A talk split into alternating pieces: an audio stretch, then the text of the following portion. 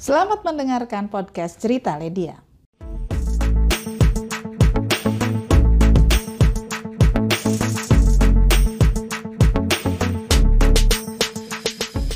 Assalamualaikum warahmatullahi wabarakatuh. Uh, apa kabarnya semua? Sobat-sobat Ledia tentu sekarang sedang bingung mendengarkan apa sih sebenarnya urusan laptop yang sedang ramai dibicarakan di masyarakat. Pertama misalnya karena laptop ini apa perlu, terus emang benar udah disepakati dan lain sebagainya. Kita cerita dari awalnya dulu ya.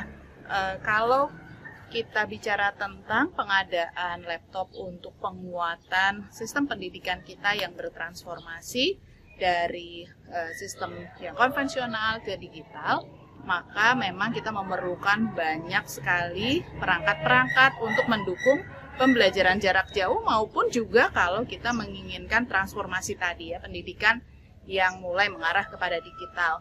Hanya memang kita harus lihat ini akan diberikan kepada siapa. Betul di Komisi 10 DPR RI sudah menyetujui bagaimana kita akan memberikan dorongan itu. Dan jumlah sekolah yang menerima juga sangat banyak. Kita juga tahu bahwa pada saat ini pengadaan tersebut memang bukan menjadi domainnya DPR, tapi ini adalah menjadi domainnya pemerintah dalam hal ini.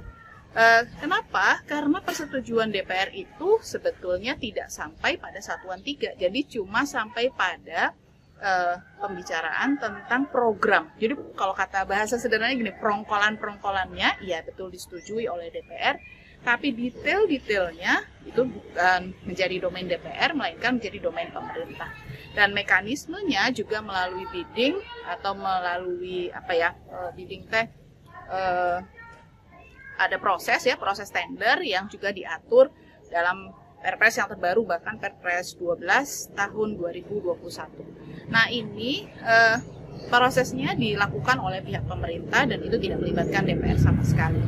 Yang menjadi masalah adalah gini, ini sekarang dalam kondisi COVID. Patut nggak ya begitu besar 240 triliun dipakai untuk uh, penyelenggaraan ini dan dibayarkan pada saat ini. Sementara kita tahu bahwa uh, akibat pandemi COVID yang berkesinambungan dari tahun lalu sampai sekarang, ternyata nggak mudah ya untuk bisa uh, menyelesaikan persoalan ini ada banyak yang kehilangan pekerjaan, ada banyak yang uh, menjadi sangat sulit ya di dalam uh, melakukan uh, apa aktivitas mencari nafkahnya, percepatan ekonomi kita juga tidak memungkinkan. Kita betul-betul ambruk uh, berat kondisi ekonomi kita secara keseluruhannya. Dan kita tahu bahwa akibat itu orang tua yang katakanlah harus menyekolahkan anaknya di sekolah swasta atau di SMA, SMK banyak yang tidak mampu untuk membayar SPP sekolahnya. Sedangkan demikian, maka honor bagi guru-gurunya juga menjadi terganggu termasuk juga di dalamnya operasional. Meskipun ada bantuan operasional sekolah dari pemerintah pusat tetapi ini tidak menjadi persoalan yang mudah untuk diselesaikan. Itu yang yang perlu kita cermati bersama ya. Jadi kita juga sekarang sedang menghadapi persoalan e, banyak sekolah swasta yang kemungkinan besarnya akan terancam uh, untuk tutup. Uh, karena apa? Karena tidak punya biaya operasional dan tidak punya uang untuk membayarkan honor bagi guru-gurunya. Nah, ketika kemudian datang laptop ini, apakah itu bisa menyelesaikan persoalan? Ternyata tidak. Karena apa? Karena dengan kondisi yang terbatas tadi, sekolah juga harus dipertimbangkan bisa nggak membayar uh, apa namanya tagihan listriknya, misalnya untuk operasional dan lain sebagainya. Sementara kebutuhan utamanya adalah membayar honor gurunya.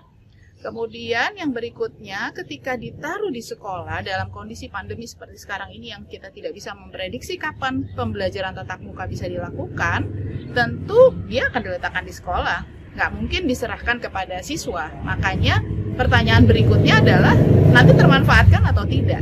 E, dalam kondisi seperti ini tidak akan bisa secara optimal dimanfaatkan. Yang berikutnya lagi ketika bantuan operasional sekolah boleh dipakai untuk membayar listrik, bayar puls, uh, apa kuota uh, atau internet dan lain sebagainya.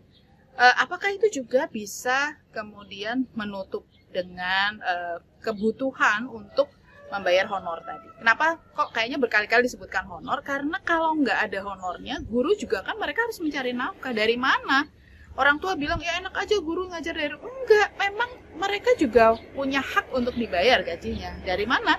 Dari SPP yang dibayarkan. Nah, jadi ini seperti benang kusut sebetulnya. Nah, kalau kami sih berharap selesaikan persoalan yang lebih mendasar dulu jangan di uh, apa namanya dimasifkan kemudian diselenggarakan dikeluarkan pada saat ini dibelanjakan uh, untuk uh, laptop itu pada saat ini bukan belum waktunya bukan waktunya karena apa karena kita memerlukan uh, penanganan uh, efek COVID-nya itu yang lebih komprehensif dan itu yang lebih mengancam. Learning loss yang disebutkan oleh Kementerian Pendidikan Kebudayaan Ristek bahwa akibat satu setengah tahun PJJ ini learning loss tidak diselesaikan dengan adanya laptop itu karena tetap saja belajarnya di rumah sehingga yang diperlukan adalah pembekalan bagi para guru-gurunya dan juga bagaimana meningkatkan uh, sistem pembelajarannya, pengayaan bagi orang tua karena orang tua yang mendampingi. Jadi, menurut kami ini menjadi bagian yang krusial. Terlepas dari ada yang komplain, bukan komplain sih, menjelaskan spesifikasinya kok kayaknya Eh, nggak uh, sesuai ya sama harganya terlepas dari itu ya uh, itu urusan yang benar-benar sangat teknis yang harusnya bisa dijelaskan oleh Kementerian Pendidikan dan Kebudayaan bahwa diperlukan laptop bahwa diperlukan uh, printer bahwa di printer yang merangkap dengan scanner bahwa perlu apa namanya untuk internetnya penyambungnya dan lain sebagainya itu betul-betul teknis yang harusnya dipertimbangkan lebih dalam lagi oleh Kementerian uh, Pendidikan dan Kebudayaan Destek. Buat kami yang menjadi persoalan pentingnya adalah Eh, pada saat ini penanganan terhadap SDM pendidikan itu belum diselesaikan. Juga pengadaan laptop itu tidak menyelesaikan learning loss yang sudah terjadi setengah satu setengah tahun akibat pandemi ini. Jadi sebetulnya perlu dipertimbangkan lebih dalam terkait dengan pen, uh, penyelenggaraan penyediaan laptop ini belum waktunya sekarang ini. Mari kita sama-sama berpikir lebih dalam, lebih empati kepada SDM pendidikan kita, guru dan tenaga kependidikan karena mereka lah yang juga terdampak dan mereka menjadi bagian yang harusnya kita perhatikan lebih awal uh, terkait dengan kesejahteraannya agar mereka juga mampu melakukan modifikasi terhadap sistem pengajaran yang uh, berlaku yang mungkin nanti akan masih sangat panjang belajar uh, dari rumahnya. Demikian penjelasan saya mudah-mudahan teman-teman bisa lebih paham dan mudah-mudahan juga bisa memperkaya pemahaman kita, mudah-mudahan hatinya tergerak untuk menunda penyelenggaraan uh, ketersediaan. Oh iya, ada lagi yang lupa. Ada banyak tempat di Indonesia yang bahkan belum terkoneksi dengan listrik. Elektrifikasi kita masih rendah, sehingga ketika komputernya ditaruh di situ jadi bangkai. Sayang kan, mubazir lebih baik buat membantu yang lain. Kita juga punya masalah karena tidak semuanya tersambung dengan internet. Jadi harus betul-betul sangat hati-hati mengambil kebijakan.